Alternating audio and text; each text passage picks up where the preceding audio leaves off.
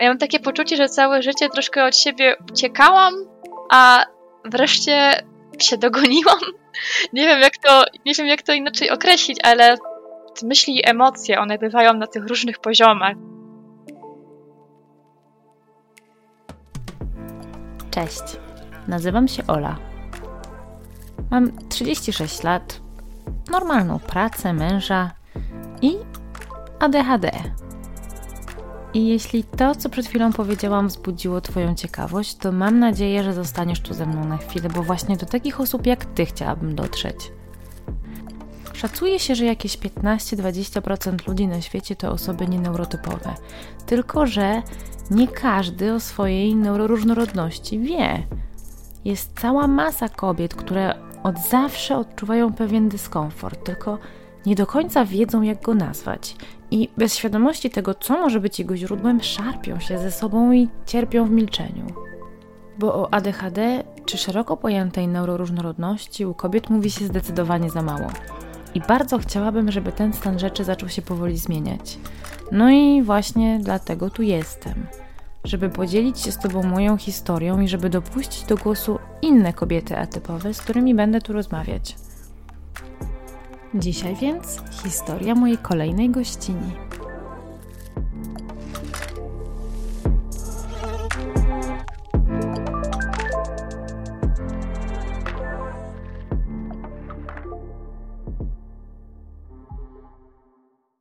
Do dzisiejszej rozmowy zaprosiłam Kasię Carewicz, która z wykształcenia i zawodu jest księgową. W dodatku taką niezwykle sumienną i, uwaga, kochającą swoją pracę. Kasia ma też ADHD i ja naprawdę nie wiem, jak to możliwe, że te dwie rzeczy idą ze sobą w parze, ale idą. Kasia właśnie skończyła 28 lat i sporą część swojego dorosłego życia spędziła na szukaniu odpowiedzi na pytanie, co jest ze mną nie tak. I dopiero diagnoza ADHD pomogła jej uświadomić sobie, że to nie z nią jest coś nie tak, ale że przez te wszystkie lata żyła w świecie niedostosowanym do swoich potrzeb. A jak się okazało, Kasia tych potrzeb miała więcej niż inne dzieci, nawet te neuroróżnorodne, a to wszystko ze względu na swój niedosłuch. Dzisiaj słychać, nomen omen, i widać, jak długą drogę Kasia przeszła i jak zawalczyła o siebie. I między innymi o tej walce tutaj rozmawiamy. Ale pojawia się też temat wstydu, wyznaczania swojej wartości osiągnięciami w nauce czy w pracy i sztuki odpuszczania i dbania o siebie. Kasia w naszej rozmowie mówi o tym, że większość życia spędziła uciekając od samej siebie – i dopiero dzięki diagnozie i terapii ukierunkowanej na ADHD mogło się wreszcie dogonić. Tą rozmową wzruszyła mnie dwa razy. Najpierw podczas nagrywania, a później w trakcie montażu. Więc przygotujcie sobie chusteczki, tak na wszelki wypadek. Ale historia Kasi jest też niezwykle inspirująca, bo pokazuje, że niepełnosprawność, tak jak nasza neuroróżnorodność zresztą, choć może stanowić przeszkodę, nie musi nas wcale blokować. Kasia, kolejna Kasia do kolekcji. Witam cię serdecznie. Cześć, witam cię serdecznie. E, zastanawiam się, jesteś e, drugą, jesteś trzecią Kasią, z którą rozmawiam. E, ale rozmowa do tej, do, do, do tej pory wyszła na razie tylko jedna, więc ciekawe, ile przyjdzie po tobie. Powiem szczerze, że do tej pory nie spotykałam się z dużą ilością Kaś, natomiast teraz w naszym świecie ADHD tych Kaś jest bardzo dużo. Nie wiem, czy to jakiś taki przypadek, ale fajnie, że nas więcej. Wiesz co, może to jest jakieś, nie wiem, e, kryterium diagnostyczne. tak, może jakoś imię Kasia sprzyja, zobaczymy, zobaczymy, możemy prowadzić swoje własne prywatne statystyki. Trzeba by, tak, trzeba by kogoś, kto e, zrobiłby dobry research w, ty, w tym temacie. E, no właśnie, czyli ja już odkryłam tutaj rąbek tajemnicy. Masz ADHD, co za niespodzianka. Wow, tak, dlatego tutaj jestem. Słuchaj, e, oczywiście, jak już wiesz, ja standardowo zaczynam od tego i to jest taka naturalna droga, myślę. E, no, chcę się dowiedzieć oczywiście, jak to się stało, że się o tym swoim ADHD dowiedziałaś. Czy dowiedziałaś się od kogoś, czy odkryłaś to sama? Jak to było z tobą po kolei? E, po kolei jest tutaj u mnie bardzo złożony temat, e, bo już jakby od wielu lat sama siebie obserwuję i bardzo, bardzo długo żyłam z poczuciem, co jest ze mną nie tak, bo coś jest nie w porządku. Tak naprawdę od najmłodszych lat czułam się troszkę wyobcowana w środowisku z rówieśników e, i tak naprawdę historia u mnie od wszystkiego zaczęła się no niestety od depresji i zaburzeń lękowych. Od tego zaczęły się moje pierwsze wizyty u psychiatry i u psychologa. No, potem były to różne nieprzyjemne wydarzenia, które sprawiły, że do psychologa wróciłam po pięciu latach, gdzie można powiedzieć, że wiele takich trudnych dla mnie tematów przerobiłam i wiele rzeczy zrozumiałam, wiele schematów rozpracowałam. E, miałam takie poczucie, że już wykonałam kawał pracy nad sobą, ale wciąż było coś nie tak, wiesz? E, I cały czas coś wracało, takie uczucie, że dalej jest coś nie w porządku, o co chodzi. I ja po prostu sama siebie próbowałam w jakiś sposób, może nie zaszufladkować, ale zrozumieć, co mną kieruje, z czego to, wszystkiego, y, z czego to wszystko wynika. I na samym początku pierwszym tropem było pojęcie osoby wysoko wrażliwej. Hmm. Zaczęłam obserwować ten temat w internecie, bo fakt, jestem dość wrażliwa, jestem dość emocjonalna, e, na takim poziomie, że na szkolnych różnych wydarzeniach, przedstawieniach wystarczyło na przykład, że wstawaliśmy do hymnu, wiesz, i ja miałam łzy w oczach. O Boże, wreszcie spotykam kogoś, kto o tym mówi. Wiesz co, ja miałam bardzo podobnie całe życie. Ja na przykład potrafiłam się rozpłakać na reklamie Coca-Coli. Też, też i na różnych filmach, wiesz, i ja mam też tak, że jak oglądam jakieś seriale lub filmy i, i ktoś ma zaliczyć za parę sekund przysłowiową kapę, że tak powiem, ja nie mogę na to patrzeć. Ja muszę albo to przewinąć, albo zamknąć oczy, cokolwiek, żeby tego nie widzieć, bo ja jakby czuję to i, i mnie same jest głupio w związku z tym, że bohaterowi jest głupio. Więc tutaj jakby szukałam y, tego wszystkiego w tych emocjach. Y, ale z drugiej strony gdzieś to ADHD tak z tyłu głowy cały czas kołatało, ale w cudzysłowie, bo a poczekaj, przerwę ci na chwilę, bo w takim razie skąd ono ci w ogóle kołatało?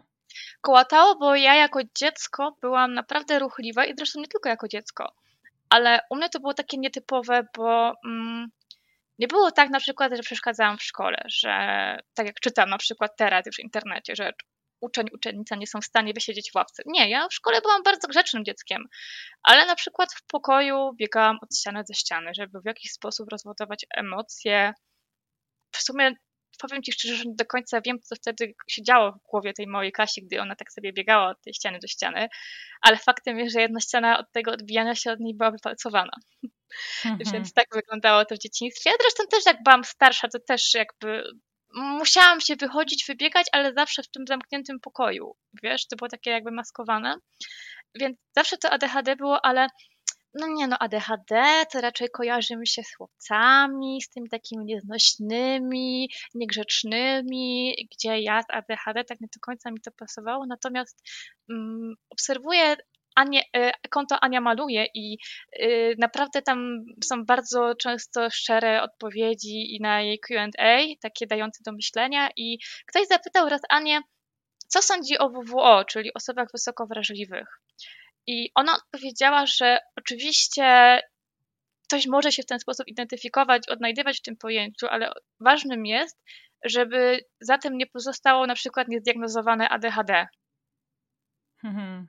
I powiem szczerze, że to było taki jakby pstryczek, jakby takie boom w moim kierunku, bo Ania też jest osobą, która wprost w internecie mówi o swojej diagnozie autyzmu w życiu dorosłym i tym, w jaki sposób się odnajduje, w jaki sposób odnajduje się z tym wszystkim. I bardzo ją też za to podziwiam, że w tym wieku i tak otwarcie o tym mówi i też drążyła do tego tematu, jakby mamy taką wspólną ścieżkę w tym, że drążyłyśmy.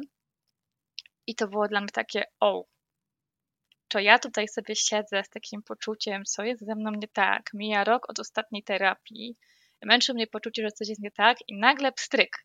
Idealnie mniej więcej w czasie, kiedy ja krążę wokół pojęcia WWO, pojawia się też temat ADHD w takim kontekście.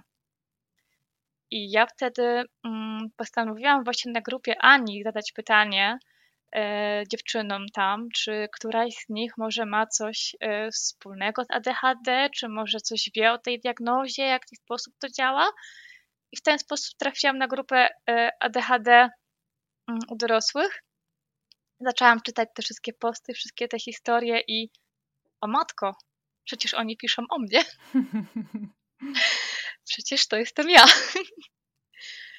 I w podnicy do kłębka bardzo zależało mi na tym, żeby trafić do specjalisty, który się specjalizuje właśnie w ADHD, bo też niestety, ale znalazłam opinię, że różnie z tym bywa. E, udało mi się znaleźć w mojej miejscowości specjalistkę, panią psycholog. E, umówiłam się na wizytę diagnostyczną. E, wypełniłyśmy wspólnie DIVA 2.0 i tak naprawdę po takiej dwugodzinnej rozmowie połączonej z tym testem na następnej wizycie już wszystko było jasne. ADHD, mhm. typ mieszany, i też wspomnę o tym, że ja już mówiłam na samym początku, że był jeden psycholog, drugi psycholog. Skąd ta ADHD tak późno? Ja się bardzo, bardzo wstydziłam tego mojego biegania po pokoju. I kiedy wreszcie przemogłam się, żeby u tej ostatniej psycholog o tym powiedzieć, ja od razu się rozpłakałam, wiesz? Bo to było dla mnie takie, nie wiem, niepoważne, ale czemu ja nie mogę po prostu usiedzieć na tej pupie i zająć się tym, czym powinnam? Hmm. Dlaczego to tak wygląda? I jak mm, dostałam już tą diagnozę, opinię potem potwierdzoną u mojej psychiatry yy, i zajrzałam w mój dziennik, który prowadzę dość tak nieregularnie od mm, no już 8 lat, znalazłam notatkę z 2014 roku, której napisałam, to było chyba drugie zdanie tej notatki, jak ja mam dość tego swojego ADHD. Oh, wow. ADHD w cudzysłowie. Hmm. Więc tyle lat wstecz to już się pojawiało, ale przez ten brak świadomości był ten cudzysłów, którego w końcu się pozbyłam. A powiedz mi, zanim um, pani psycholog potwierdziła Twoje przypuszczenia e, w czasie tej wizyty, to zaczęłaś czytać i szukać informacji na ten temat, czy zostawiłaś tak to na później, kiedy już będzie wszystko wiadomo? E, wiesz co, tak mniej więcej czytałam, ale ja jestem taka dość y, bardzo formalistka, tak powiem. Y, I bałam się, że jak tak się zaczytam wcześniej, to jakoś pójdę w kierunku samodiagnozy, bo mimo wszystko może nie, że nie dowierzałam i tak dalej, ale nie chciałam do tego podchodzić subiektywnie. Tak powiedziałam, ok, wiem z czym mam do czynienia mniej więcej, ale poczekam na oficjalną diagnozę i wtedy zaczniemy ten temat rozbierać na części. Okej. Okay. No i jak się poczułaś, jak już e, potwierdzono Twoje przypuszczenia? To było ciężkie do określenia, bo z jednej strony to był ogromny entuzjazm, że wow, mamy to, uchwycona ta kropka nad i, ten brakujący element, ten puzzle upierdliwy, który gdzieś cały czas był po kątach chowany i nie mogłam skończyć obrazka. Z drugiej strony, tak dziwnie, tak. To była już taka ostateczność, że faktycznie, że coś jest innego, coś jest na rzeczy, coś tutaj jest po prostu. I tak jakby obchodziłam się z tym tematem na początku trochę jak z jajkiem, bałam się ten temat upuścić, nie wiedziałam jak ten temat zaopiekować, dlatego też od razu decydowałam się na terapię w tym kierunku. I na samym początku, od pierwsze dwie, trzy wizyty, weszłam już w ten entuzjazm, że okej, okay, mam już odpowiedź na to wszystko, super, świetnie, więc co, pozostaje działać. Weszłam w tryb bardzo zadaniowy, że tak, teraz już Ciebie rozumiem, oczywiście super, super. Dostałam takiego brokatu, tak błyszczałam w tych działaniach. No i tak to potrwało miesiąc, gdzie ten entuzjazm e, zaczął opadać, ta może troszkę nawet fiksacja na punkcie tego tematu już tak przygasła. Pojawił się ten spadek motywacji i zaczęły wracać te no, stare, nowe schematy, które zawsze się pojawiały, gdy entuzjazm e, opadał i, i gdzieś już zaczynało brakować tej motywacji do tego super trybu zadaniowego. I nadszedł moment, gdzie stanęłam tak jakby w kropce, co dalej, co ja powinnam wtedy zrobić, czy coś jest nie tak. I pojawiły się łzy, wiesz, bo jakby od razu chciałam przeskoczyć bardzo ważny etap. I ten etap został od razu jakby nazwany przez panią psycholog moją, tym etapem jest jak żałoba po poprzednim życiu i to Dokładnie. wiem, że to się już pojawiało w poprzednich odcinkach, y, więc jakby jest nasz wspólny punkt. Tak. Bo dociera do człowieka powoli, jak rzeczy może by mogły wyglądać, gdyby ta diagnoza pojawiła się wcześniej. Mm. Pojawiają się różne myśli w głowie, różne wspomnienia z przyszłości, wydarzenia i łączą się kropki, bardzo dużo kropek. Człowiek zaczyna w końcu dostrzegać, dlaczego zareagował tak, a nie inaczej, dlaczego może coś nie wyszło, dlaczego takie były konsekwencje, takie skutki naszych działań, dlaczego nie wiem jak inni, ale ja na przykład miałam bardzo duże tendencje zawsze do porównywania się z innymi. Tak.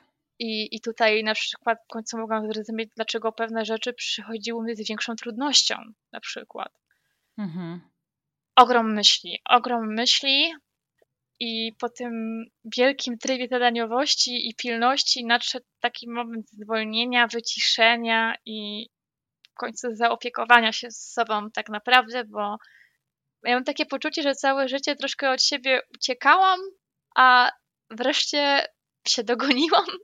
Nie wiem, jak to, nie wiem, jak to inaczej określić, ale y, często podczas spotkań z psycholog y, mówimy o tym, że myśli i emocje, one bywają na tych różnych poziomach. Gdzieś gdy emocje gdzieś świdrują do góry, to może myśli nad nimi nie nadążają, z drugiej strony tak samo drugą stronę, gdy te emocje są bardzo nisko, gdy ten nastrój jest taki gorszy, nie do końca może rozumiemy, y, nie ogarniamy na poziomie myśli dlaczego, w końcu u mnie to wszystko zaczęło lądować na tym samym poziomie. I chyba to jest dla mnie osobiście najlepszy rezultat otrzymanej diagnozy. Ale super to opisałaś. Powiem ci, że chyba nie zrobiłabym tego lepiej. Ale to jest to. Jest to. Ja myślę, że każda z nas bez wyjątku właśnie tak się czuje i właśnie przez takie etapy przechodzi. Oczywiście, no wiesz, no jakby w różnym czasie, nie? I na różnych, jakby w różnych momentach, bo też ta diagnoza u nas inaczej wygląda często, ale to jest to. Fajnie to uchwyciłaś. No ale też byłaś i jesteś pod opieką psycholog, która, psycholożki, która zna się na temacie, prawda? Tak, tak, to jest fantastyczna sprawa. E, moja psycholożka naprawdę wie, z czym to się je, y, ma duże doświadczenie w tym temacie i widzę to po prostu, gdy do niej mówię, gdy opowiada mi różne rzeczy, gdy zdradzam moje emocje, ona tak totalnie rozumie, co mną kieruje. Dlaczego tak? Dlaczego jest taki skutek mojego działania? Skąd to się wzięło? I to zarówno jeśli chodzi o to, jak teraz rzeczy się dzieją, jak i o tą przeszłość, o tą małą Kasię. Dlaczego ta mała Kasia tak się zachowywała? Albo na przykład, dlaczego wracają jakieś koszmary, sny do tej dorosłej Kasi, mm. związane z przeszłością, bo miałam teraz taki uporczywy sen, który non-stop do mnie nawracał, ale on nawiązuje właśnie do szkoły i do tego, jak to wyglądało, gdy byłam młodsza i to jest taki wątek, który chyba najbardziej zrozumiałam i pogodziłam się z nim po otrzymaniu diagnozy. No właśnie, bo ty ostatnio o tym mówiłaś o sobie na swoim, na swoim koncie instagramowym, o tej, o tej e, Kasi prymusce i, i o tym, z jakim kosztem emocjonalnym nie tylko to, to, to twoja ciężka praca się wiązała. Chcesz o tym trochę opowiedzieć? Yy, tak, tak, bo uważam, że w moim przypadku jest to dość istotny wątek i też z drugiej strony jest to wątek, który bardzo długo maskował to ADHD ale też nie tylko ADHD, ale też depresja i stany lękowe i myślę, że to jest takie ważne też w tym kontekście, e, ponieważ tak jak wspominałam na początku rozmowy, ja byłam bardzo grzecznym dzieckiem, bardzo grzeczną uczennicą i w szkole bardzo dobrze sobie radziłam. Ja też wspominałam ostatnio w moim poście coś, o czym dowiedziałam się stosunkowo niedawno temu, że mm, moi rodzice mieli propozycję, żebym ja podstawówkę rozpoczęła już od drugiej klasy bo ja bardzo szybko nauczyłam się czytać. Pamiętam, chyba miałam 4 lub 5 lat, jak już czytałam płynnie, w zerówce się nudziłam, szczerze mówiąc. Tak, naprawdę nudziłam się, ale mm, byłam tym typem ucznia, który nie pokazywał tej nudy na lekcjach. Na pewno nie w taki sposób, który by przeszkadzał na przykład nauczycielowi e, w prowadzeniu zajęć. I tutaj na przykład kłóci się to z takim stereotypem y, dziecka z ADHD, które biega, krzyczy i przeszkadza. Ja miałam takie ADHD w głowie i myślę, że większość z nas też. Mm, ja od samego początku bardzo dobrze się uczyłam, tak jak mówiłam, i nikt nigdy u mnie w domu na to nie kładł jakiegoś nacisku i presji, że mam się dobrze uczyć. Po prostu rodzice w tym kontekście chcieli, żebym, żebym była szczęśliwa i żebym sobie radziła. A to, że ja się dobrze uczyłam, było dla nich po prostu ogromną wartością dodaną i ja, mówi, ja mówiłam wprost, że lubię się uczyć. Ja na przykład nie mogłam doczekać się pójścia do szkoły. E, nawet sąsiadka moja to zawsze wspominała i wspomina mojej mamie, że jeju, ta Kasia to była jedynym dzieckiem, które w sierpniu mówiło, że nie może doczekać się, jak pójdzie do szkoły. Lubiłam się naprawdę uczyć i przychodziło mi to z ogromną łatwością i właściwie tak to wyglądało przez całą podstawówkę. Pierwszy problem zaczął pojawiać się z matematyką. Kolejne problemy zaczęły pojawiać się z przedmiotami, które no, po prostu z jakichś powodów mnie nie interesowały. Myślę, że tak bardziej to przebiega na, mm, na podstawie gustu. Mhm. Na przykład większość życia definiowałam się jako humanistka, wylądowałam w księgowości, ale w szkole bardzo lubiłam język polski, historię, przedmioty typowo humanistyczne. I tutaj nauka przychodziła mi z lekkością, z łatwością. Natomiast jeśli chodzi o przedmioty ścisłe, gorzej było mi się skupić. Traciłam tam koncentrację. Mhm.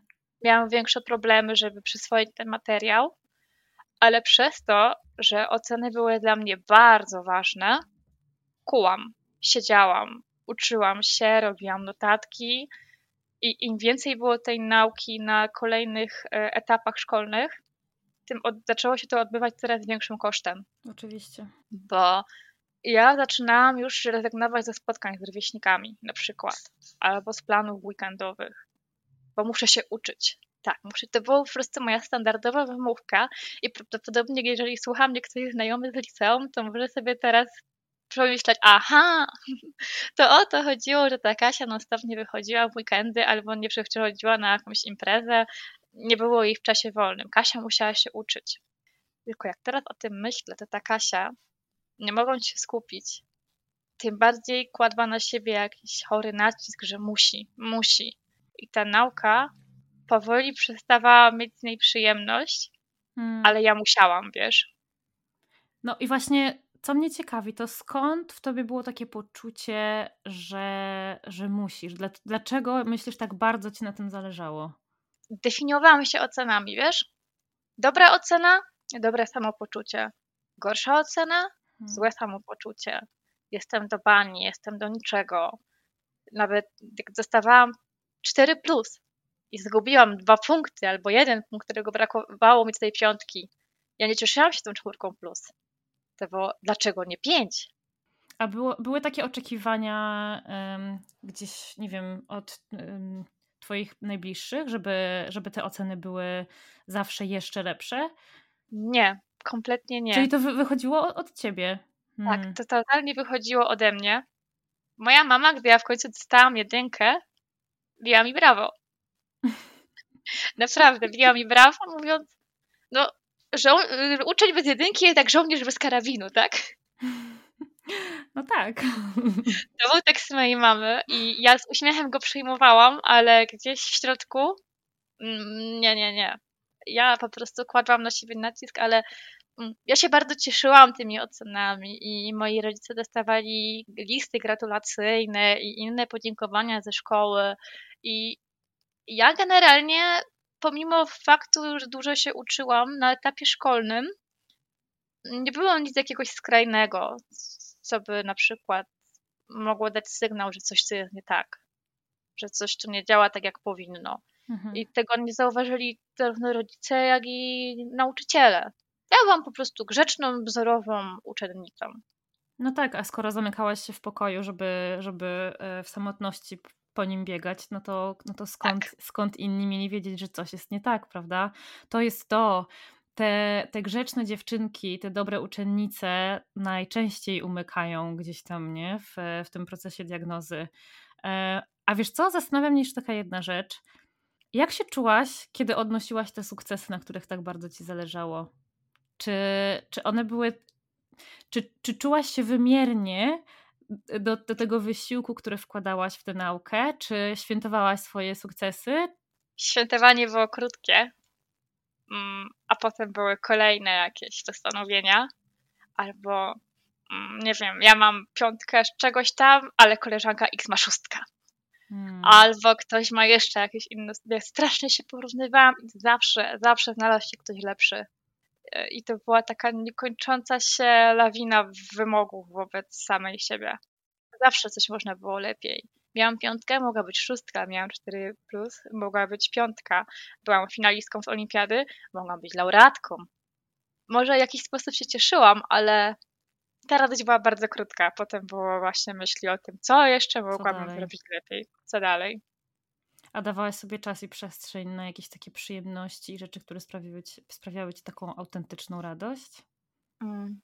Właśnie to jest bardzo ciekawe pytanie, bo jedną z takich mm, najważniejszych myśli w trakcie diagnozy i takiej dobijającej świadomości było to, że mm, ja chyba tak naprawdę nigdy w życiu nie odpoczęłam, nie odpoczywałam. I uświadomiłam sobie, że absolutnie nie umiem odpoczywać. Zawsze jestem w jakimś trybie czuwania. Hmm. Zawsze jest coś do zrobienia, zawsze jest coś niedokończone. Jeżeli nawet miałam coś poukładane szkolnie, czy może teraz zawodowo, to na przykład zdarzały jakieś sprawy domowe, porządki, powinnam. To było po prostu powinnam, powinnam, powinnam. W każdej sekundzie, w każdej minucie w mojej głowie było jakieś powinnam. Bliżej nieokreślone powinnam, ale zawsze coś powinnam. Tak, i to jest chyba kolejna rzecz, którą my wszystkie mamy wspól, wspólną, że, że my po prostu nie potrafimy odpoczywać i nam z takim trudem przychodzi też uczenie się tego odpoczywania, bo my w zupełnie innym, my też w, inaczej, w inny sposób odpoczywamy niż osoby neurotypowe, mam wrażenie.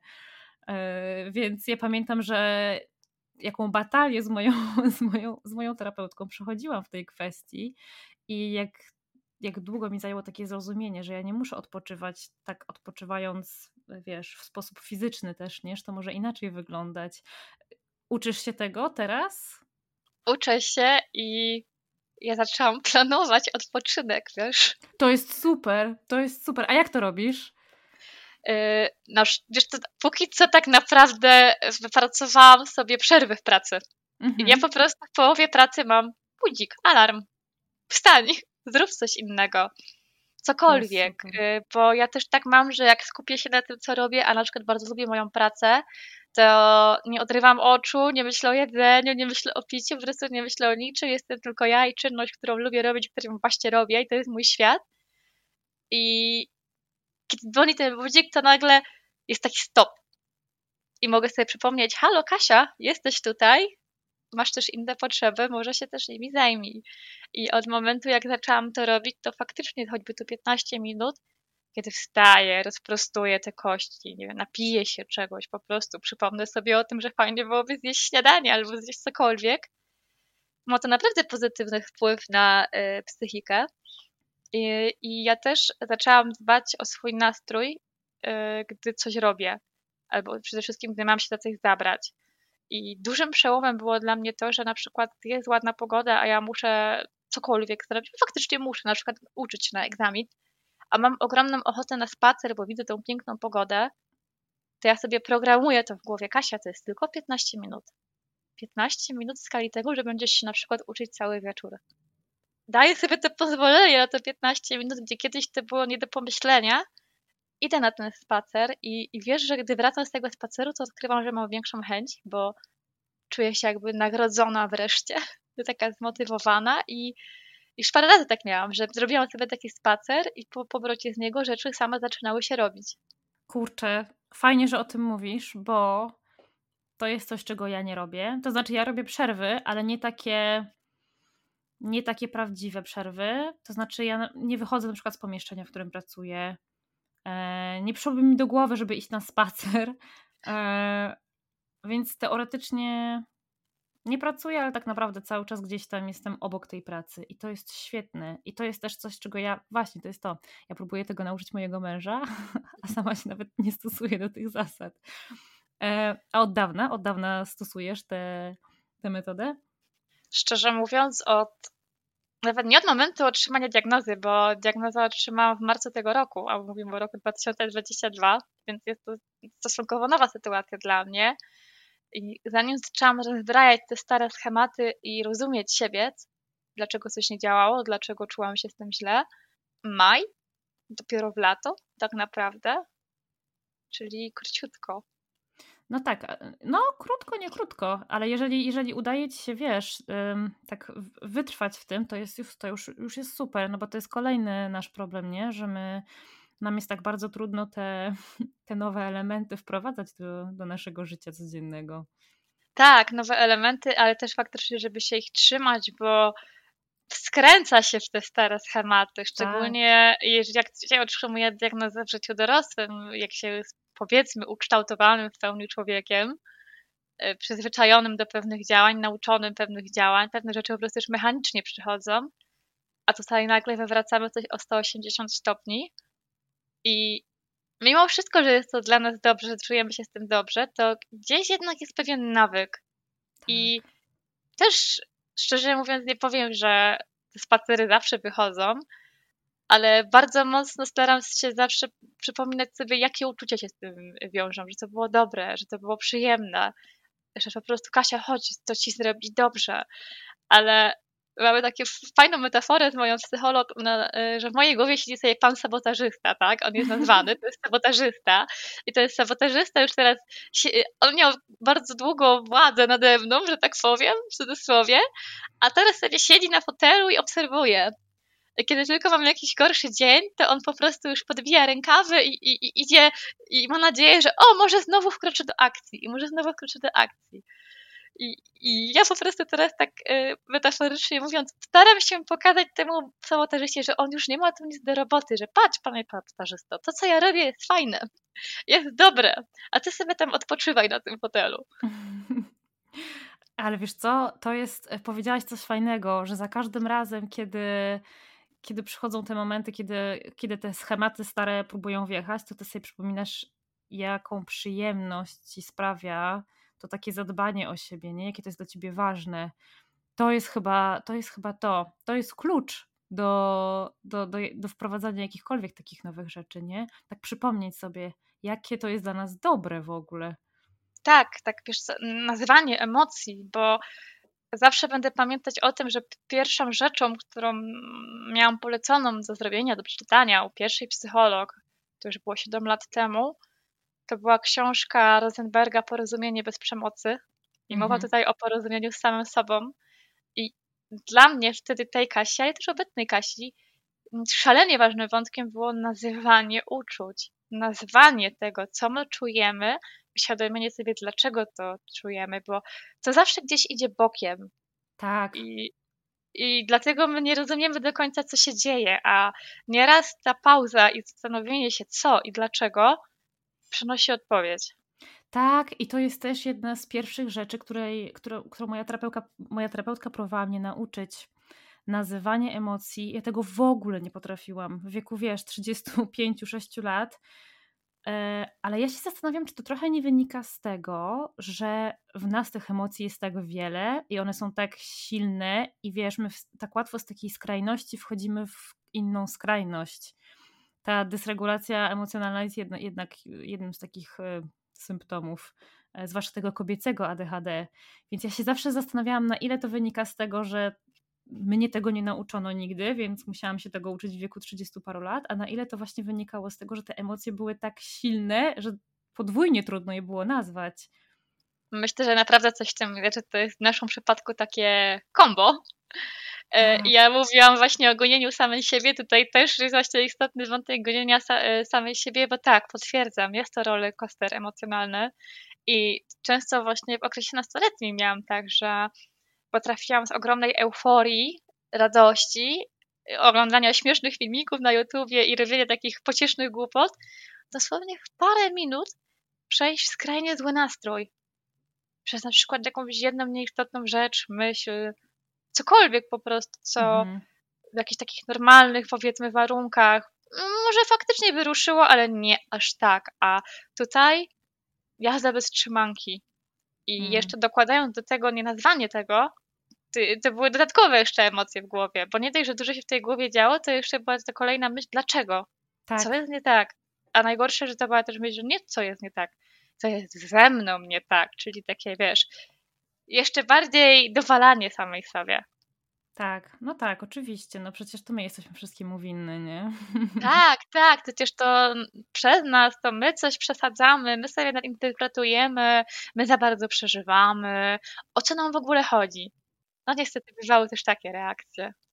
E, no to jest e, oczywiście, wiesz co, to jest coś, co my same sobie mówimy, ale to jest też coś, co my otrzymujemy mimo wszystko z zewnątrz jako komunikat. Znaczy, nie, może nie wiesz, nie, nie chcę też generalizować, no bo, no bo różnie to bywa w różnych przypadkach, ale tak jak rozmawiam z kobietami w ramach tego podcastu, to potwierdza się trochę ta, ta moja teza. Ty też dostawałaś takie komunikaty, że coś z tobą chyba jest nie tak? Nie wiem, od rówieśników, nauczycieli, rodziców, chłopaków. Wiesz co, dla mnie to jest też takie ciekawe pytanie, tak jeśli chodzi o samą mnie, bo jak ja myślę o sobie z czasów nastoletnich, a o sobie teraz, ja bym się kompletnie z tamtą dziewczyną nie dogadała, wiesz, z tamtą hmm. Kasią, bo mm, owszem, byłam grzeczna i wychowana, ale ja się bardzo wcinałam w zdanie kiedyś i, i na przykład, i często było tak, że ktoś mówił zdanie, to ja kończyłam to zdanie za niego, i, i na przykład to jest często wymieniane jako to, ty, ty, typowy symptom ADHD. Tutaj się tak. bardzo szeroko uśmiechałam, jak o tym czytałam, mówię, okrcze. I pamiętam, że bardzo często miałam kłótnie z moją siostrą na tym tle. Znowu mi przerywasz, znowu coś takiego. I tutaj to pamiętam. Ja generalnie mm, przez to, że miałam takie hulajki nastrojów, byłam dość kłótliwa, bo bardzo szybko czułam się urażona na przykład, mhm. albo gdy coś według mnie było niesprawiedliwe, to oczywiście szybko musiałam wyrazić swoje zdanie na ten temat, nie dbając o dobór słów. E, nieraz coś palnęłam i było na przykład za późno, żeby to odkręcić. I, i w czasach nastoletnich, powiedzmy, no nie umniejszając, ale to na szczęście były nastoletnie dramy i takie kłótnie, ale często miałam tak, że dlaczego ja się z tyloma osobami skłóciłam o coś? Hmm. Miałam takie, o, o, co tutaj chodzi, wiesz? Dlaczego taka jestem? E, potem zaczęłam pracę nad sobą na różnym tle i, i można powiedzieć, że mm, na przełomie lat już po prostu się wyciszyłam, uspokoiłam, ale teraz z diagnozą bardziej rozumiem siebie tamtych lat. To faktycznie była jakaś porywczość, właśnie huśtawki nastrojów, to, że nie potrafiłam się zatrzymać na chwilę, przemyśleć tych słów albo po prostu robić tego, co robię teraz, czyli gdy jest jakaś nerwowa sytuacja e, i, i czuję, że mogę powiedzieć o parę słów za dużo, to milknę. Gdzieś się ewakuuję, pozwalam tym emocjom opaść, tej temperaturze opaść i wracam, gdy czuję, że okej, okay, mamy to pod kontrolą, nie powiem tych paru słów, których za parę sekund będę żałować. Mhm. To, to ja też y, nauczyłam się, że można się tego nauczyć. To jest niesamowite, bo kiedyś tak. myślałam, że tego nie da się w ogóle w żaden sposób e, nad, nad, tym zapanować. Oczywiście to jest trudne i to nie jest tak, że to nad tym można zapanować w 100%, ale rzeczywiście e, pomaga w tym właśnie to takie nazywanie tego, co czujemy, nie? Tak, dlaczego? Dlaczego? I, i często jest tak, że teraz, gdy wracam y, w sytuacji konfliktowej, to nie zaczyna się od morza pretensji, mhm. wyrzutów i jakichś na przykład y, personalnych przytyków, tylko poczułam się tak, bo zrobiłeś to. I ja odebrałam to w taki sposób. I daję tutaj przestrzeń na rozmowę, a kiedyś i tej przestrzeni totalnie nie było z mojej strony i zdaję sobie z tego sprawę i współczuję tamtej Kasi, że nie miała tej świadomości. No, też tak czasem myślę, patrząc wstecz na siebie. Yy z przyszłości. Czasem mam, mam wrażenie, tak jak ty, że to w ogóle są, wiesz, jakby dwie, dwie różne osoby. Prawda? Od jak dawno jesteś ze swoim mężem? O właśnie. My poznaliśmy się, jak ja byłam w pierwszej klasie liceum, a on w trzeciej klasie gimnazjum. Czyli, czyli jest... on znał tę starą Kasię. Tak, tak, tak. No i tak. właśnie, jak to wyglądało e, jakby, wiesz, w kontekście waszej relacji? Albo na odwrót. E, jak ta wasza relacja wyglądała w kontekście tego, co się z tobą działo i tego, jaką metamorfozę przeszłaś wewnętrzną? Generalnie najchętniej publicznie wręczyłabym mu order. Naprawdę. Ale Ja myślę, że my od samego początku się doskonale równoważyliśmy, bo ja zawsze byłam tą porywczą, a on był tym oceanem spokoju. Mhm. Z drugiej strony też yy, miewał czasem problemy, żeby się otworzyć i mówić o emocjach i ja na przykład na niego tutaj wpłynęłam w pozytywny sposób, a on zawsze w jakiś sposób mnie temperował. Yy, i za każdym razem, gdy znowu się wplątałam w jakąś sytuację konfliktową, to on często był tym znakiem stop, przy którym się chciałam zatrzymać, bo też y, ze względu na to, jak bardzo mi na nim zależało, naprawdę się troszczyłam zawsze o tą relację. I tutaj właśnie działała taka magia, że nie chciałam strasznie tego zepsuć, wieć, chociaż też czasem obrywało mu się jakimiś pretensjami o nic, ale. Mm, był pierwszą osobą, przy której tak prawdziwie nauczyłam się przepraszać od razu. Nawet mhm. jak coś przeskrobie. Przepraszam, mam gorszy dzień. Przepraszam, że taka jestem dzisiaj. E, I to do tej pory staram się udoskonalać i, i, i no niestety, ale był moim takim troszkę workiem treningowym. I, ale jestem mu bardzo za to wdzięczna, że był przy mnie przy wszystkich najgorszych momentach, bo no, był moją silną podporą i tutaj mogę powiedzieć, że jestem ogromną szczęściarą, że miałam taką osobę przy sobie i że mam. Wiesz co, jak tak mówisz o nim, o, o, o tym, jak wasza relacja wygląda, to mam wrażenie, że opisujesz moją relację z moim mężem. I ja pamiętam, jak na początku pandemii e, miałam straszne problemy ze stanami lękowymi i rozmawiałam z psycholożką. E, I ona mnie zadawała mi różne pytania, i jak zaczęłam jej mówić o tym, że największym dobrem w moim życiu mm, jest mój mąż i ta nasza relacja, to się po prostu rozsypałam. Rozsypałam się, nie byłam w stanie o tym mówić, nie? I, i, i, i często też od tych kobiet, z którymi rozmawiam, słyszę bardzo podobne rzeczy, że ten partner jest z jednej strony takim przeciwieństwem, ale z, drugim, z drugiej strony właśnie, że to tak fajnie równoważy tę naszą energię. Tak, naprawdę. To jest takie potwierdzenie jednak, że to wsparcie jest szalenie ważne. Chociaż jest ten jeden człowiek, który w jakiś sposób ogarnia nasz chaos. Wiesz co, ale ja tak chcę trochę przejść też do, do innej kwestii, bo to jest bardzo, bardzo ważne i ja wiem, że ty chcesz też o tym opowiedzieć. Bo ADHD to nie jest jedyna rzecz, która utrudniała ci życie. Tak. Opowiadaj. Tak, e, jestem osobą, która posiada orzeczenie o niepełnosprawności stopień umiarkowany ze względu na obustronny niedosłuch. E, to są, wiąże się to z tym, że mam aparaty słuchowe i wiąże się to właśnie z ogromnym wpływem na mnie tak naprawdę od lat dziecięcych. Mm. I teraz na przykład zawiną myśli o tym, jak wyglądałoby to wszystko, gdyby, gdybym tego niedosłuchu nie miała. Bo jasne, ja sobie mogę mówić o tym, że nie lubiłam gadać na lekcji. Ale ja nie lubiłam gadać na lekcji, bo nie słyszałam, gdy coś było mówione szeptem. Y, I mm, tak naprawdę to się troszkę u mnie rozwijało. Mm, nie tak szybko to było widać. Mm, ja mam na przykład już tutaj trochę mgliste wspomnienia, jeśli chodzi o naprawdę taki wczesny etap podstawówki. Ale dawałam sobie radę. Dawałam sobie radę. Y, uczestniczyłam normalnie w życiu rówieśników i nie było problemów większych. Tak naprawdę problem zaczął się nasilać gdy był ten tak zwany skok rozwojowy, to jest takie 12-13 lat, tak kolokwialnie mówiąc, ten słuch zaczął lecieć na łeb, na szyję, bo dochodziło do takich sytuacji, że nauczyciel brał mnie do odpowiedzi i byłam tuż przy nim, przy ławce, stałam przy ławce, nauczyciel siedział, więc można sobie tę scenę wyobrazić. I ja nie rozumiałam, co on do mnie mówi z tej odległości.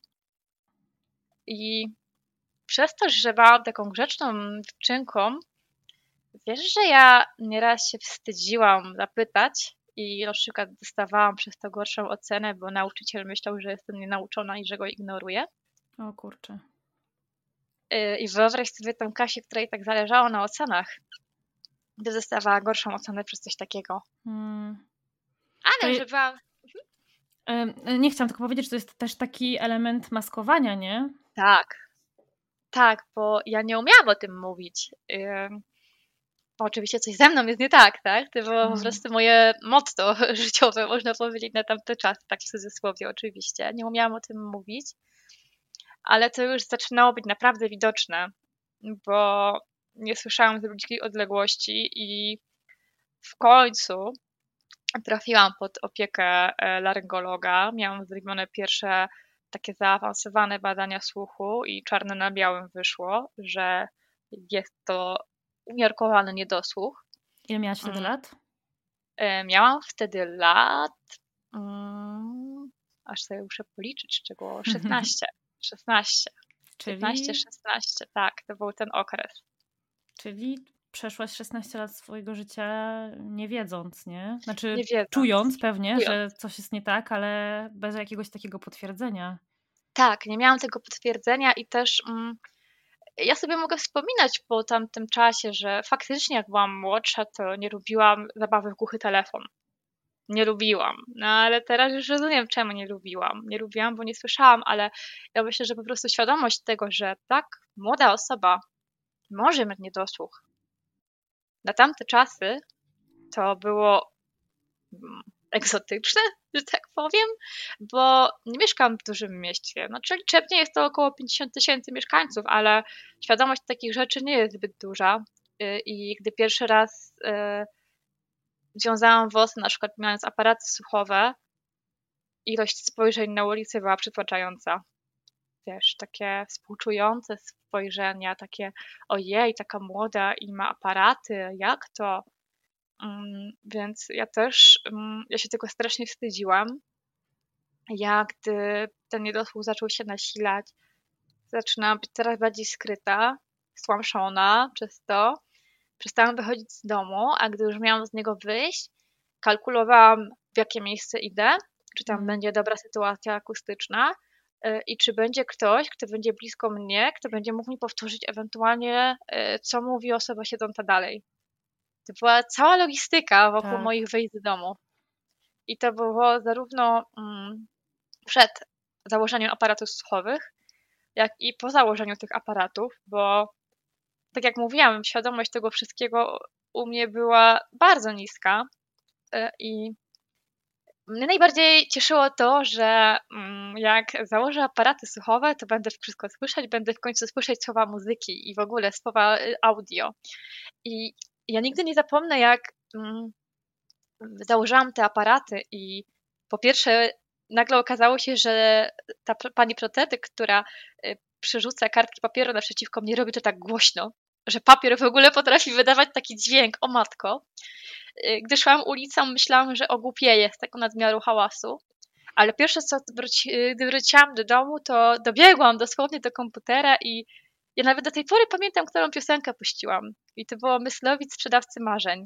Hm. I włączyłam tą muzykę, a dalej nie rozumiałam słów, Mm, bo to nie o to chodzi w aparatach, że one zastąpią taki zdrowy ludzki słuch. Niestety. I zaczęłam odkrywać, że owszem, to niesie ze sobą bardzo dużo plusów, ale to wciąż nie jest ludzki słuch. I też na początkowym etapie mm, zdarzało się spotykać z sytuacjami typu przygłoś aparaty, ale przecież masz aparaty. naprawdę? Tak, naprawdę. E, I niestety też nawet jak starałam się odważyć i poprosić o powtórzenie czegoś, drugi, trzeci raz, to spotykałam się z machnięciem ręki, a nieważne. I to było naprawdę takie ogromne poczucie wykluczenia, e, bo ja muszę o tym wspomnieć, troszkę się cofając, jak jeszcze nie miałam aparatów, miałam taką, dalej mam fantastyczną przyjaciółkę ze szkolnej ławki i gdy ja nie słyszałam, to mm, na lekcji mm, postanowiłyśmy założyć zeszyt, którym ona będzie mi pisała, e, co się dzieje, jak czegoś nie będę wiedziała. Jeden zeszyt przerodził się w sześć tomów rozmów, które do tej pory są e, w moim pokoju, w, e, w honorowym miejscu w pudle. O, ale wspaniała, w ogóle jaka wspaniała przyjaciółka i że wy to tak intuicyjnie, nie? Wprowadziłyście taki, taki plan działania. To jest niesamowite. Tak, i to się naprawdę tak wyglądało moje gimnazjum i miałam ogrom wsparcia, natomiast potem po zmianie szkoły już No było różnie. Nie zawsze było to zrozumienie, plus niestety dokładajmy do tego, że naprawdę nie czułam się pewnie z tym. Tak. Mm. Naprawdę byłam bardzo niepewna siebie i za każdym razem, gdy czegoś nie słyszałam, e, czy za czymś nie nadążałam przez to, ja czułam się problemem. Nie wiesz, jakby kompletnie nie czułam tego, że mm, mogę dostać wsparcie, że zasługuję na to wsparcie, że wymagam tego wsparcia. Mhm. Nie, tego nie było niestety. I to towarzyszyło mi dużo, du, dużo lat, bo nawet na studiach miałam taką sytuację na lektoracie, gdzie wiesz, studia, pierwszy rok mm, dla takiej prymuski jak ja, przeżycie po prostu kosmiczne. Mhm. Wyobraź sobie, że zbierasz się w sobie, żeby podejść do tej e, prowadzącej z lektoratu i po prostu stres jak 150, jak ty mówią, podchodzisz do niej i mówisz, że chciałaś zgłosić, że masz niedosłuch, że masz problemy, może być różnie ze słuchem i słyszysz, a, pani się tak tylko wydaje, bo pani nie zna języka. Co? Niestety taka jest rzeczywistość nieraz dla osób niepełnosprawnych. E, I żeby było w cudzysłowie śmiesznie, ja przykułam tym uwagę prowadzącej na mnie. Hmm. I nie miałam żadnej taryfy ulgowej, jeśli chodzi o zajęcia ze słuchu, o sprawdziany ze słuchu. Nic z tych rzeczy. Ja jak na przykład dostawa, y, potrafiłam napisać pisemnie y, jakiś sprawdzian na pełną pulę punktów, to znaczy, że się uczyłam, a zostawić puste luki we słuchankach, to nie miało znaczenia, że ja mogłam mówić, że się uczyłam, że po prostu nie daję rady przez niedosłuch, dlatego tego nie słyszę. Mm, Zero wsparcia. Kurczę, i to jest. Po raz kolejny słyszę, tylko to, to tutaj mówimy trochę o większej też skali, ale po, po raz kolejny słyszę to samo. Um, nauczyciele, wykładowcy, którzy wiedzą, czują, że coś może być nie tak, ale nie wiem, dla zasady.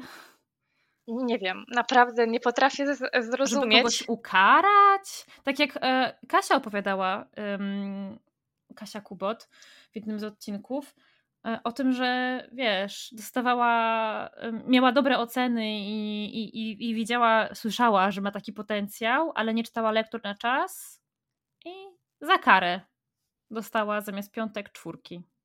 Bo, no bo tak, żeby ci, żeby ci pokazać, nie?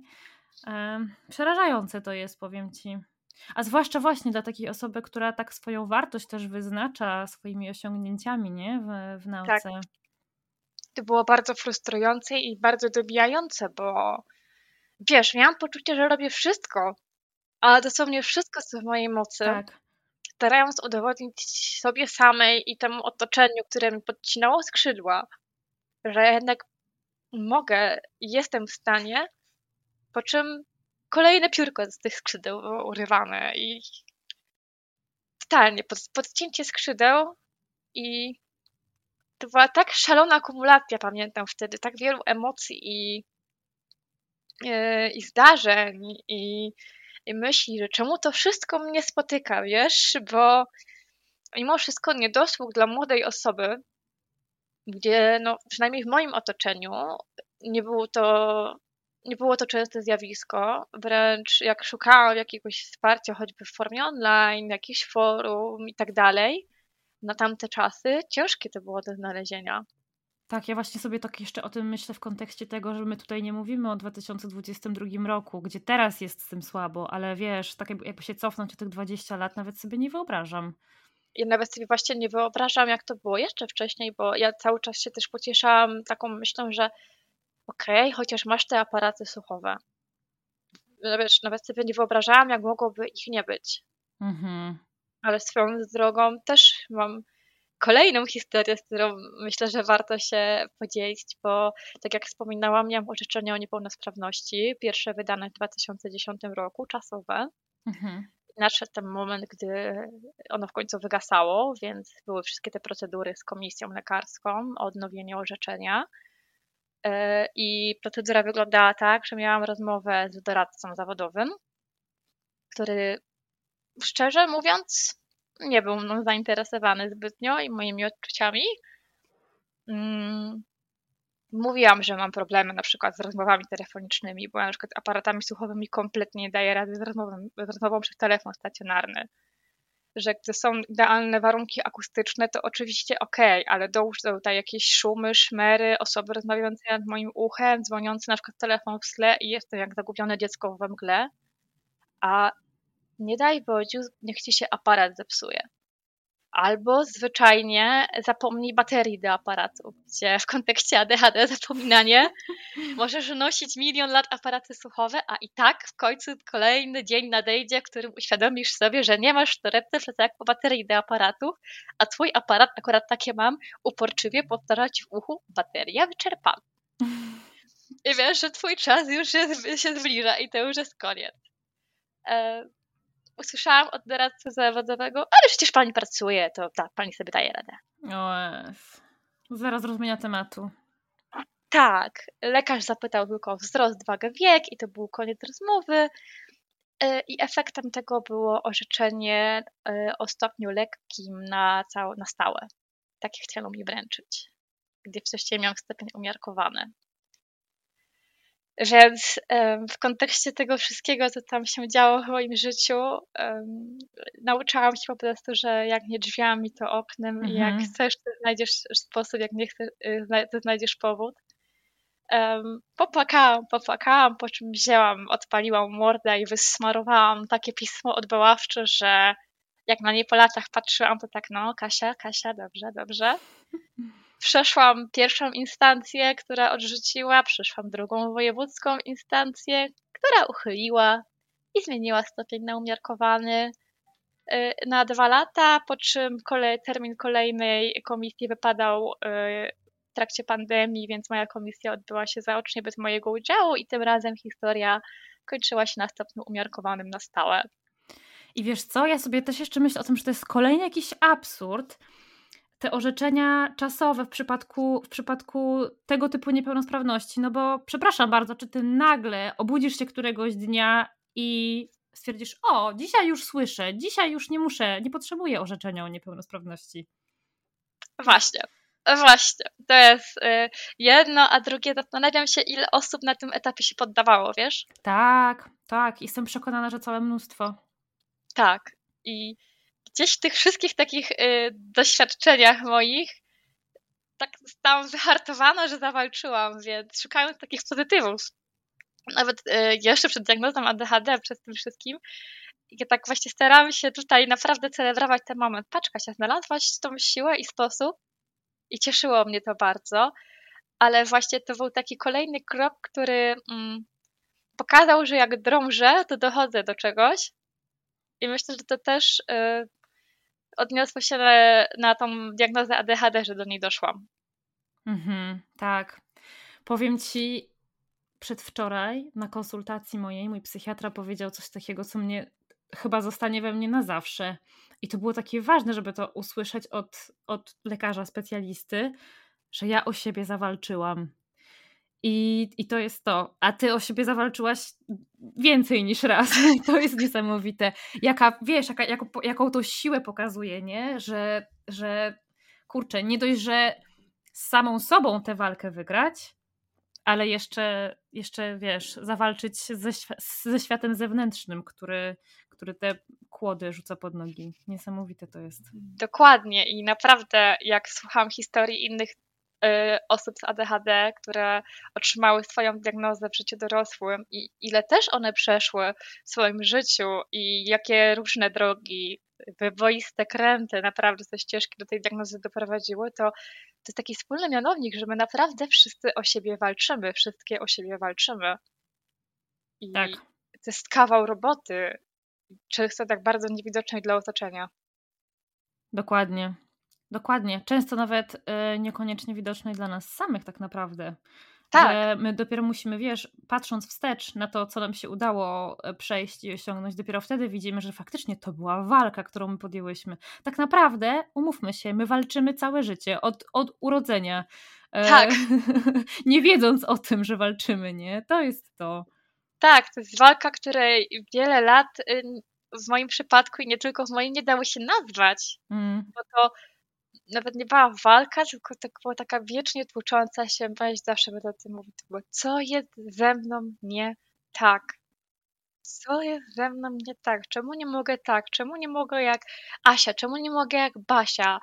Naprawdę, to miałam rówieśnikami wspólne cele, naprawdę, bo byłam takim, powiedzmy sobie szczerze, dość szablonowym dzieckiem, pomijając tak istotną kwestię jak niedosług, ale ogólnie jeśli chodzi o plany mm. e, e zawodowe, życiowe, zawsze miałam na siebie plan, e, zawsze chciałam, wiedziałam na jakie studia nawet pójdę, ja już po prostu wiedziałam na jakie studia pójdę w szóstej klasie podstawówki, wiesz? Wow. E, I e, e, wiesz, mniejsze z tym, że te studia rzuciłam po półtora roku i wylądowałam na zupełnie innych, jak się potem potem okazało, ale miałam tak jasny plan i, i co może pójść nie tak, tak? W związku z tym. A tutaj to niezdiagnozowane ADHD po prostu jak miałabym teraz czegoś porównać, to ja biegłam przed taką bieżnię, jak są takie gry, wiesz, że biegniesz postacią i co chwilę tej postaci coś podskakuje pod nogi i musi to przeskoczyć. Tak jak ten dinoś, który biegnie, jak nie mamy internetu w telefonie. Przeskakujesz te e, kaktusy, a potem nagle pojawiają się już te latające stworki. I na nich też możesz skuć. To ja tak czuję, że przez większość swojego życia przez taką trasę biegłam, że co chwilę coś pod nogami, coś w powietrzu, o coś się obijałam, o coś się potknęłam, przewróciłam. Cały czas to wyglądało jak taka gonitwa. Uciekając nie wiadomo przed czym, biegnąc nie wiadomo dokąd. No tak, bo ty wspomniałaś wcześniej, że miałaś wrażenie, że właśnie, że właśnie tak e, uciekałaś przed samą sobą raczej niż, niż w drugą tak. stronę. Ewentualnie, że krążyłam wokół siebie jak taka orbita, naprawdę starając się znaleźć odpowiedź, o co chodzi. I pisząc ADHD w cudzysłowie przez tyle lat. To jest niesamowite w ogóle. Prawda? to jest niesamowite, ale też często się właśnie mówi, że mm, ADHD zaczyna się, można powiedzieć, od depresji, od stanów lękowych, od... Tutaj ja naprawdę wyczerpuję tę definicję, bo dopiero u trzeciego psychologa, do którego poszłam świadomie, e, bo chciałam pójść do specjalisty od ADHD, dopiero trzeciego psychologa to w końcu wyszło. To nie był pierwszy psycholog i to nie był pierwszy psychiatra. Więc też można można też powiedzieć, dlaczego wcześniej żaden inny specjalista tego nie zauważył na przykład. E, jak widać, można się w trakcie siedmiu lat kontaktów z psychologami i psychiatrami, tak powiem, przekitrać z tym wciąż niezauważonym.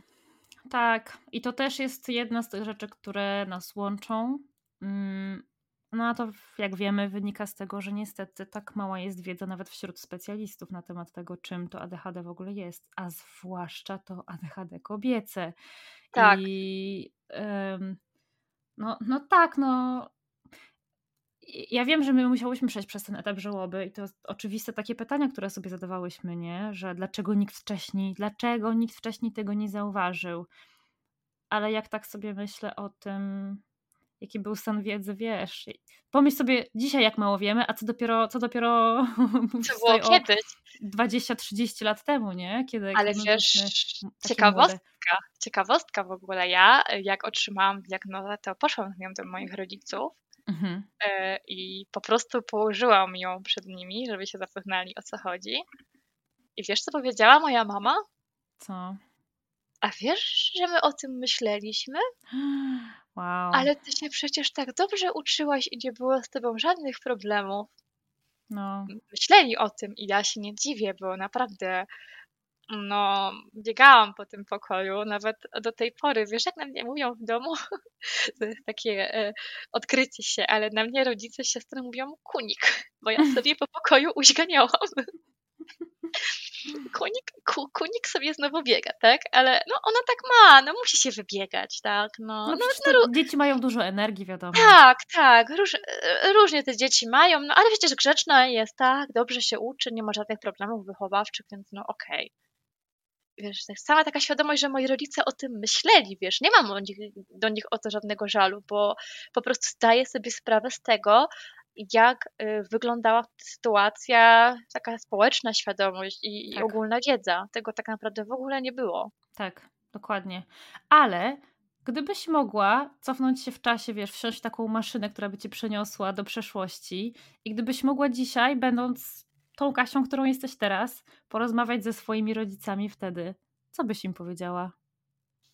To jest trudne pytanie, ale mm, nie wiem, co im powiedziała, ale myślę, że moja rada by się skupiła wokół tego, żeby wokół emocji, które mną kierują. Czemu ja się tak uczę? Mhm. Wiesz, co mnie motywuje? Czym ja się tak naprawdę tutaj stresuję? O co tu chodzi, wiesz? Bo, bo faktycznie to było w jakiś sposób naprawdę niezdrowe, w jaki mhm. sposób się uczyłam i że byłam taka zamknięta, że wszystko kręciło się wokół nauki. Ale myślę, że się z tym pogodziłam tak naprawdę, bo ja wiem, że takim powszechnym naszym problemem, czy coś, z czym się mierzymy, to często jest właśnie taki niewypowiedziany żal do tego, że do, do, różnych osób, do rodziców, ale też nie tylko, że ktoś mógł zauważyć, że ktoś mógł coś zrobić. Mnie udało się ten temat przerobić. Udało mi się z tym tematem pogodzić ale doskonale rozumiem wszystkie osoby, które się z tym mierzą i które dalej ten żal odczuwają, hmm. bo myślę, że jednak w pewnym momencie to wszystko wokół mnie zaczęło się robić sprzyjające, bo mam naprawdę wspierającego partnera i, i w takich kluczowych momentach moi rodzice naprawdę e, stawali na wysokości zadania. Mhm.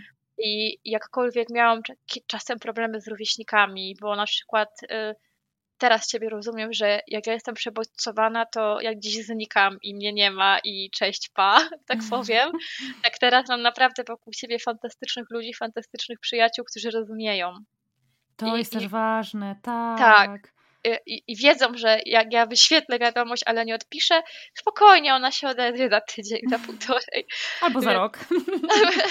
Wiesz, staram, staram się robić taką, y, taki checkpoint co jakiś czas, czy ja naprawdę każdemu odpisałam i ja naprawdę serdecznie wszystkich przepraszam, jeżeli komuś nie odpisuję, to po prostu, ja mam taki hashtag, którym się nazywam, to jest hashtag why am I me e, i, i, i naprawdę teraz y, naprawdę mogę powiedzieć, że tutaj w wielu kwestiach jestem szczęściarą i myślę, że to też naprawdę pomogło mi w przerobieniu tego wszystkiego.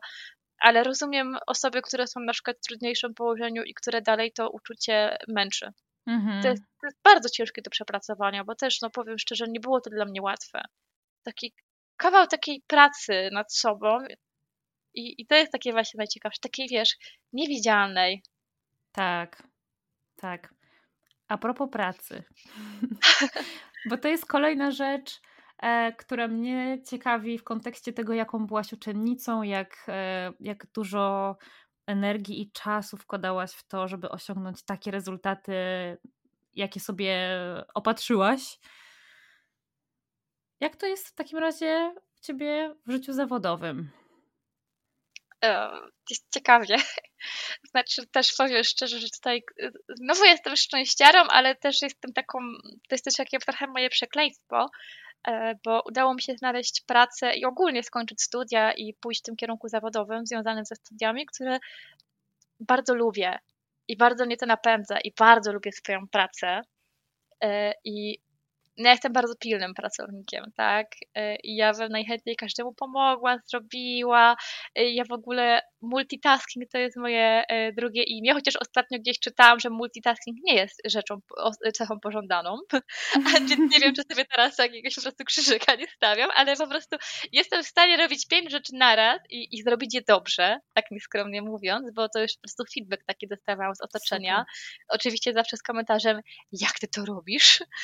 ale to jest pułapka, wiesz? E, pułapka szczególnie w kontekście pandemii i pracy z domu. Tak. Bo zawsze w mojej branży, którą jest księgowość, e, zawsze coś jest do zrobienia, zawsze jest jakiś termin, zawsze jest coś do poprawienia, do kończenia, e, zawsze jest osoba, której można pomóc, zawsze jest osoba, której można wytłumaczyć. No i te zawsiaki, że tak powiem, one się często kończyły ogromną ilością nadgodzin.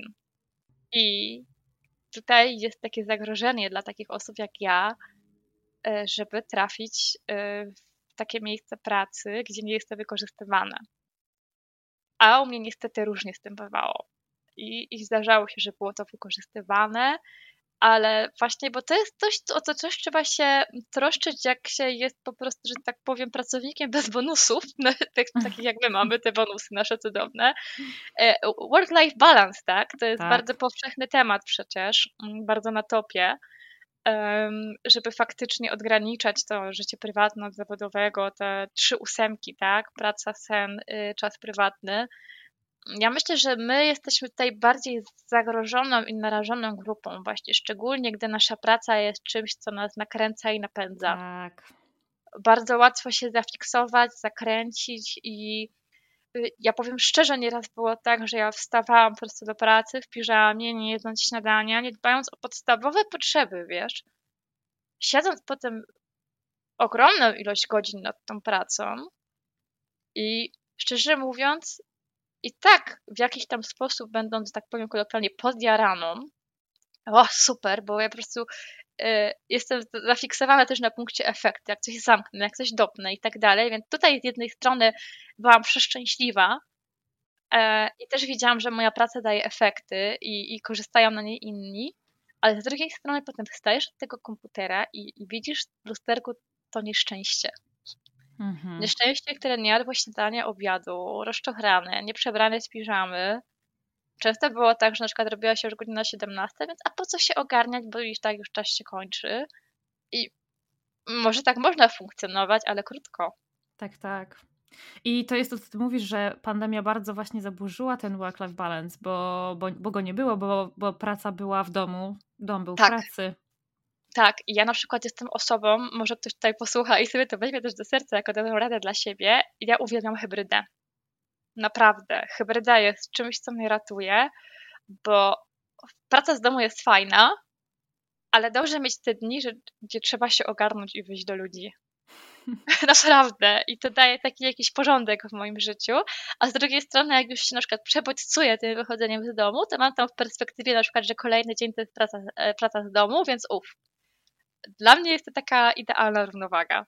Hmm. Powiem Ci, że ja jestem, ja się tak rozleniwiłam, jeśli chodzi o dojazdy do pracy, że od dwóch i pół roku tak naprawdę, od początku pandemii pracuję zdalnie w 100%.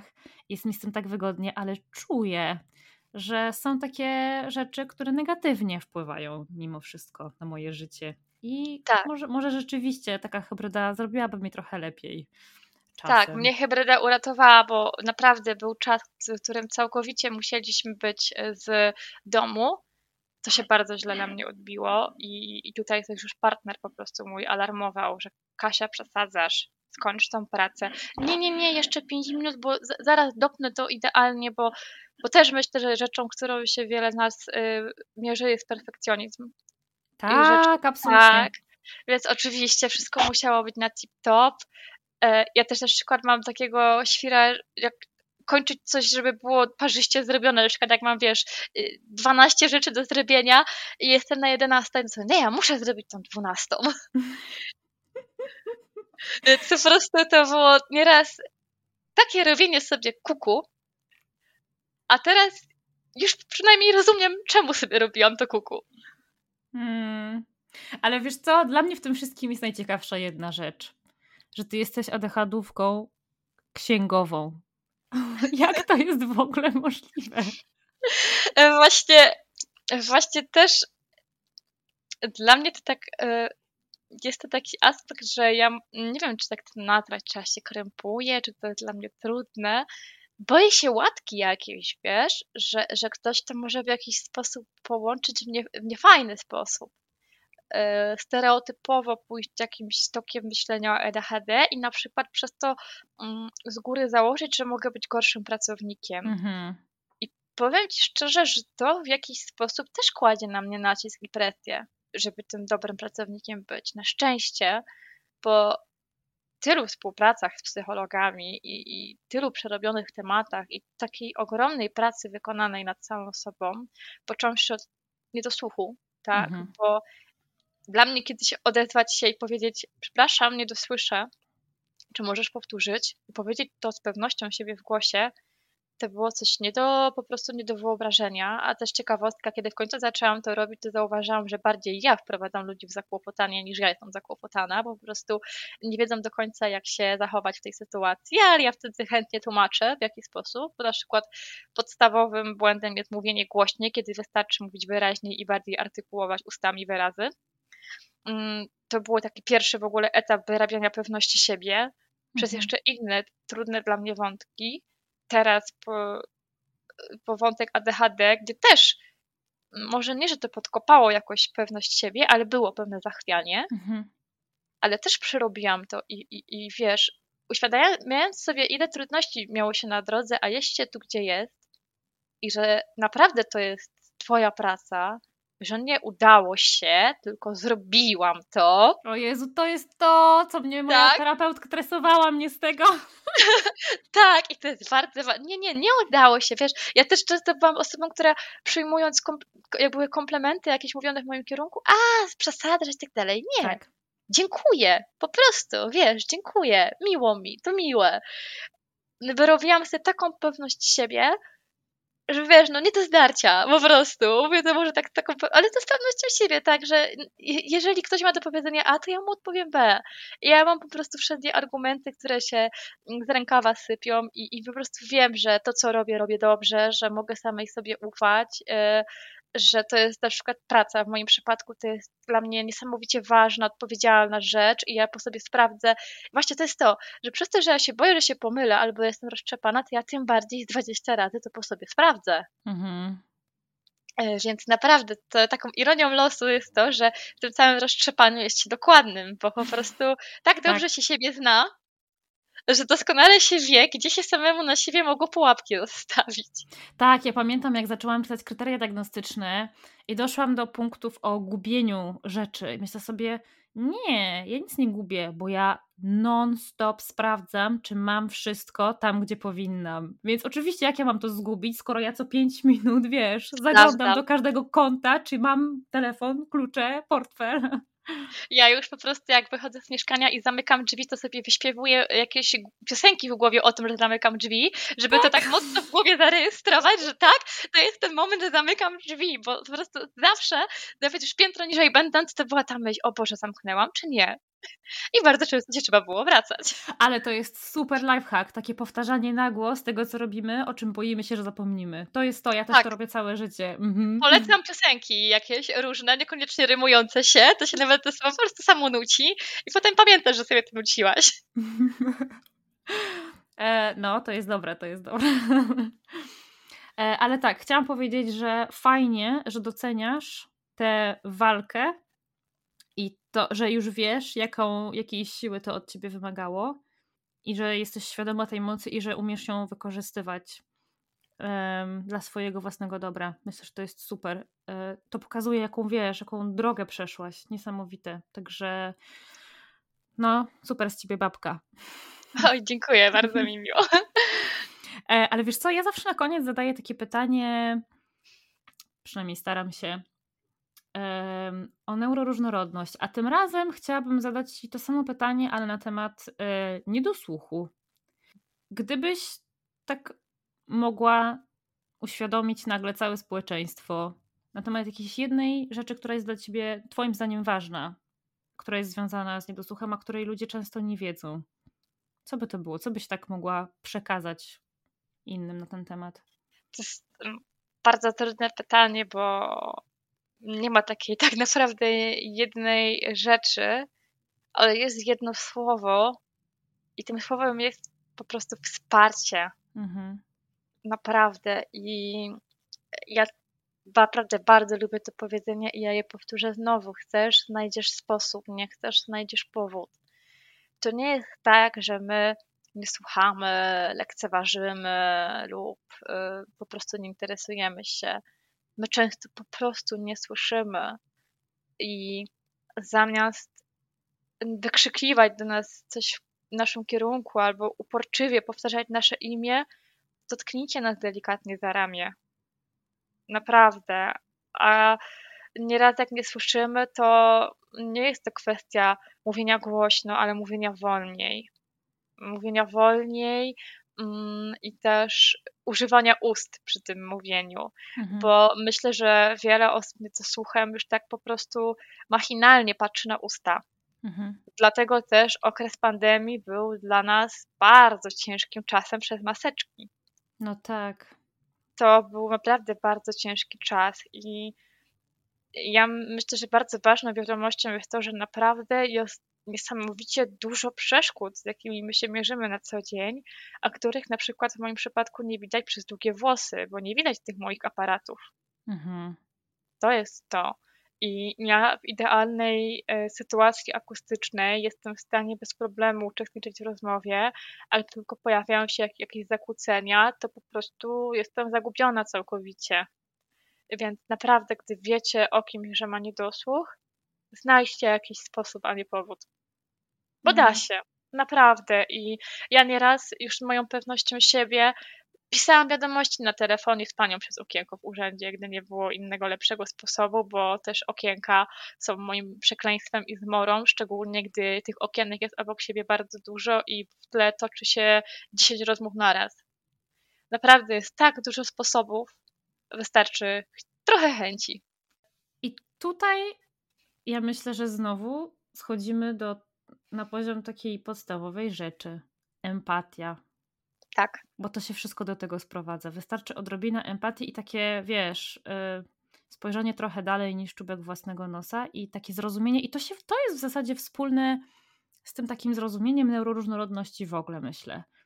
Po tak. prostu tak. chęć otworzenia oczu na to, że są ludzie, którzy są w jakikolwiek sposób inni niż my. Tak. Tyle. I powiem szczerze, że moją odpowiedź na temat niedosłuchu spokojnie można by jakoś zreferować też do neuroróżnorodności i właśnie tak. tego, żeby zauważyć, z iloma różnymi trudnościami my się mierzymy na co dzień, a naprawdę się staramy. I to nie jest nasza zła wola, niechęć, lenistwo, gdy coś nie wychodzi. My naprawdę tutaj walczymy o siebie i naprawdę jesteśmy chyba wdzięczni za każdą formę wsparcia i to, co mówisz. Empatia jest tutaj kluczowa. To co? Tą myślą kończymy. tak. Słuchaj, Kasia, wielkie dzięki za to, że podzieliłaś się swoją historią i że tak chętnie też opowiadasz o swojej niepełnosprawności, bo to też pokazuje, że jesteś na takim etapie, że, że wiesz, jesteś z tym wszystkim pogodzona i, i, i z taką łatwością o tym mówisz. Także dziękuję Ci bardzo za Twój czas. Ja też bardzo Ci dziękuję za przeproszenie, za zaproszenie, przeproszenie. Świetnie się przejęzyczyłam na koniec, oczywiście. Moja, widzisz, tak się zastanawiałam, czy coś y, mój mózg mi podsunie na sam koniec, ale oczywiście coś musiało być. Y, bardzo Ci dziękuję za zaproszenie i za okazję do tej rozmowy, bo to też jest dla mnie ważne i myślę, że im więcej będziemy o tym rozmawiać, im więcej tego będzie po prostu w społeczeństwie, tym ludzie się staną bardziej otwarci, bo już na etapie niedosłuchu widzę ogromny hmm. postęp. Mimo wszystko nie idealnie, ale na, na, na przełomie ostatnich 12 lat jest o wiele lepiej i głęboko wierzę, że tak samo będzie z neuroróżnorodnością. E, mam nadzieję. No, po to też to robię, więc e, między innymi. Super. Dzięki Kasia. Dzięki za, za Twoje świadectwo, które dokłada się do tego, żeby właśnie tak było. Dziękuję Ci bardzo.